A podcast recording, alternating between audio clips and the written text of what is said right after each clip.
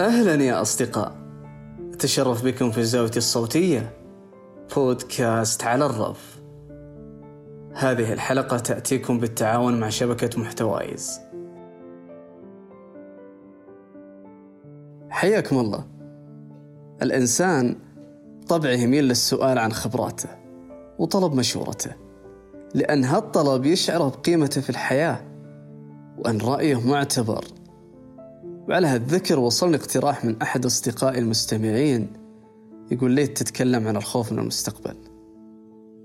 بعيد عن المثاليات فرحت أنه شاف فيني الشخص اللي ينفع يتكلم عن هالموضوع.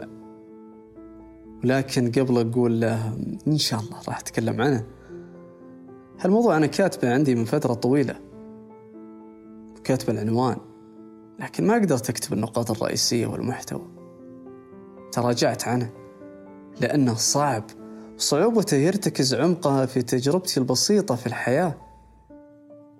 وكيف بكتب حلقة تكون واقعية فيها أفكار قابلة للنقاش والتطبيق. وأكون شخصيا مجربها أو على الأقل بإمكانك أنت يا صديقي تجربها. للخوف قضبان شفافة تشع نور في غرفة ظلامها حالك. نشوفه حقيقة هو مجرد عمود ضوء ينعكس من ثقب صغير في سقف الإدراك. هذا هو أقرب وصف للخوف من أشياء ما راح تصير نهائيا إلا في الخيال. والخيال إذا ما كان واقع فهو مجرد سراب ما له وجود إلا في أذهاننا. كم من فرصة ضاعت بحجة الخوف منها أو من بيئتها أو من تبعاتها. ما أبي أقول أن الحياة للشجعان ثم شجعك تتخذ قرار غير محسوب بحجة أنك من فرسان الحياة.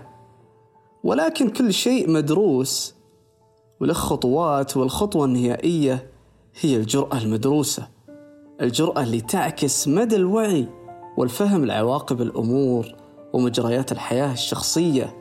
لكل فرد فينا. الإنسان ما يقدر يعيش في بيئة غير آمنة تهدد مصادر أمانة مثل العائلة ومصادر الدخل. وهذا يختلف تماما عن فكرة الخروج من دائرة الراحة والروتين. الدائرة فيها شغل ونتائج تنقل الإنسان من واقع لواقع. وإذا تحققت فكرة أمان الإنسان العائلي والمادي. بعدها ينطلق للخروج من دائرة الراحة. الفضاءات أوسع من التجارب والمحاولات. اللي تكسبها الخبرة والتعامل مع أي مشكلة أو نجاح أو تقدم. كل ما اجتمع الناس الخير ورزق خلك معهم وبتلقى نصيبك. ولو كان شخص يدلك. ولنا في قصة عبد الرحمن بن عوف رضي الله عنه خير عبرة. ولكن دلني على السوق.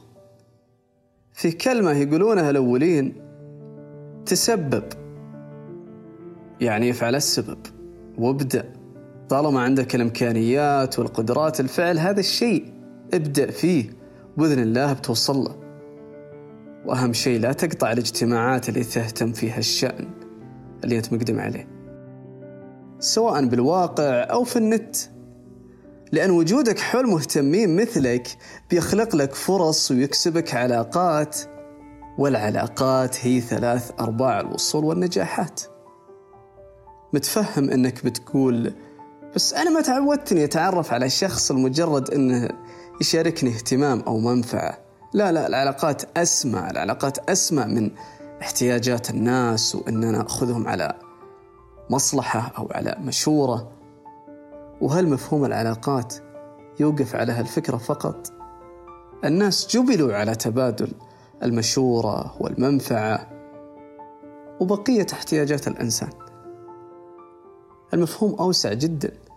ولو سألت كل شخص حقق نجاح معين بيقول لك والله فلان أو فلانة كلموني وقالوا لا يفوتك الشيء هذا. احرص على العلاقات. ومثل ما تبي تتعرف على الناس هم بيتعرفون عليك. هي كذا المعادلة. الخوف من المستقبل أمر طبيعي. إذا كان هالخوف غير مفرط. كمؤمنين بالله نعلم يقينا أن الله هو الخالق المدبر الذي بيده كل شيء. لا تفهمني أني أعظك أنا أشارك فكرة عقدية روحية إيمانية تحيط بالقلب سكينة. وطمأنينة بمجرد استشعارك لها. صديقي المستمع أنا وأنت نوقف الآن في هاللحظة في نقطة ملتقى بين الماضي والحاضر. الماضي الفسيح اللي يحمل الكثير للأبد والمستقبل اللي بيمتد إلى يوم الساعة. ويوصف قلقك اليوم في حاضرك عن مستقبلك الغايب عن توقيته. كل إنسان يحاوطه قلق أو خوف من المستقبل. وهالقلق والخوف شعور طبيعي لأن الإنسان مفطور عليه. إنه يخاف من كل مجهول وهذا الخوف الطبيعي ضروري. طيب شلون ضروري؟ سلمك الله شعور القلق والخوف من أقوى محفزات الإنسان للسعي في الأرض. ولولا هالقلق والخوف ما تحرك الإنسان وما تعلم وما بنى وعمر وابتكر وطور وأنتج وحقق الكثير من أحلامه وأهدافه مهما كانت صعبة. إحنا كبشر ما خلقنا بما فينا من حواس إلا لعيش اللحظة وما نقدر على غير هذا. إذا قررنا نغادر هالفطرة والمقدرة المحدودة جدا تبدأ أجسامنا بردات فعل فاللي يعلق بماضيه ومستقبله الوقت طويل فهو يعاني من الاكتئاب ومن يخاف من بكرة وشكله وكيف بيكون المصير يبدأ يعاني من أمراض الجهاز الهضمي كقرحة المعدة وأمراض الجهاز العصبي وارتفاع ضغط الدم وغيرها. هل يستحق حدث ما راح يرجع؟ أو ما حان وقته. إنه يسلب مني يومي ويعطيني كل هالمعاناة؟ أعتقد إنه جحاف كبير ليومك. قدراتك وإدراكك لساعاته. يمكن كلامي مكرر ما هو جديد عليك. لكن فيه مشكلة وهالمشكلة ما تدل على الجهل ولكن تدل على الكسل والتراخي وعدم اتخاذ موقف. مشكلة عدم الاهتمام بتطبيق اللي نتعلمه من دروس الحياة. وعلى المشكلات اللي نواجهها ونعاني منها.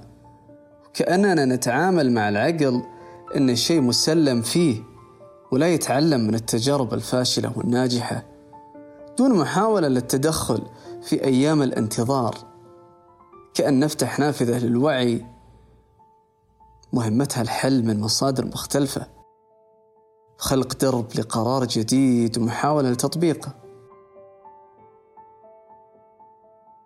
فيه حلول وأفكار تساعدنا على الأقل أن يكون خوفنا هذا إيجابي وتحوله لمسار منتج.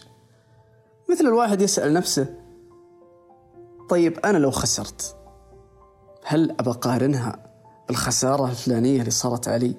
ويكون فعلا صارت له خسارة يعتقد أن بحياته كلها ما راح يصير مثلها. فمن باب أولى أن الشيء اللي أنت خايف منه بيكون أقل. هذه من ضمن الأفكار. أو وش أسوأ شيء راح يصير لو في حال أني خسرت؟ وجميل أن الواحد يعد نفسه فكريا ونفسيا لاحتمالية الفشل. وكذلك الواحد ما يرفع السقف النتائج وسقف الطموحات. يعني يكون على الأقل هو كعمل وسعي سعيك سيورى وسعيك قوي. بإذن الله بيوصل لأعلى الدرجات لكن كنتائج عن الصدمة جميل أن الواحد ينتظر الأقل رغم رغم أنه في قرارة نفسه بيشوف لا أنا راح يجيني أعلى بناء على السعي هذا. حلو إن الواحد يحاول تحسين الصورة للأفضل. الشيء اللي أنت خايف منه ويمكن تشوف أنه سيء رغم أنك محتاجه. شوف جوانبه الإيجابية. إذا كنت بتنقل لمكان جديد مثلا. أوه أنا ما أعرف أحد. أنا كيف بعيش حياتي هناك؟ كيف بلقى سكن كيف بتكون أموري؟ هذه كلها مخاوف صحيحة. لكن جميل إني أحسن الصورة. والله أنا عشت فترة من حياتي في هذا المكان. ودي أغير ودي أشوف شيء جديد. ودي أتعرف على ناس جدد. ودي أجرب نفسي بأمور صعبة. هل أنا بفلح وبنجح أو لا؟ من زمان وأنا في دائرة الراحة أبغى أطلع مربع ثاني. وعلى هذا نقيس. وقتها بتتضح لك الصورة وتعرف اللي متاح لك تسويه. وفي هالطريقة يهدى عقلك وتحقق معنى التوكل لا التواكل بفعل السبب. الضغوطات من أسباب الخوف من المستقبل.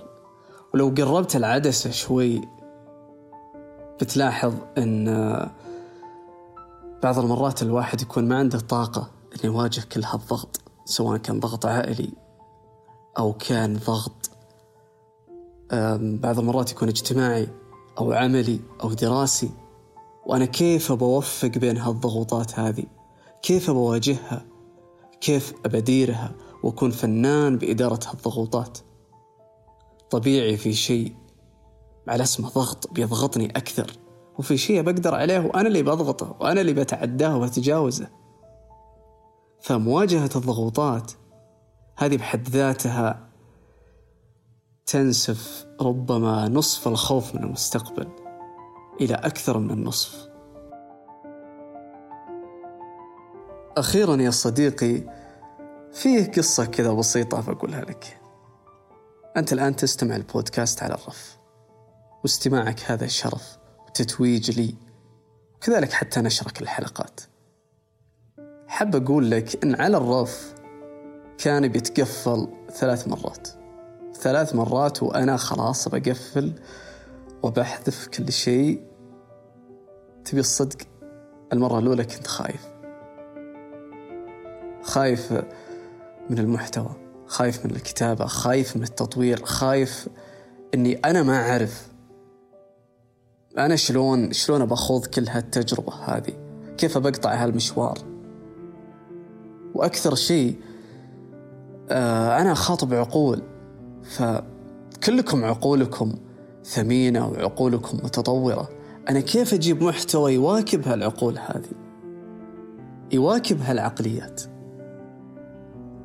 فاللي صار أني ما قدرت أتحمل فكنت بقفل.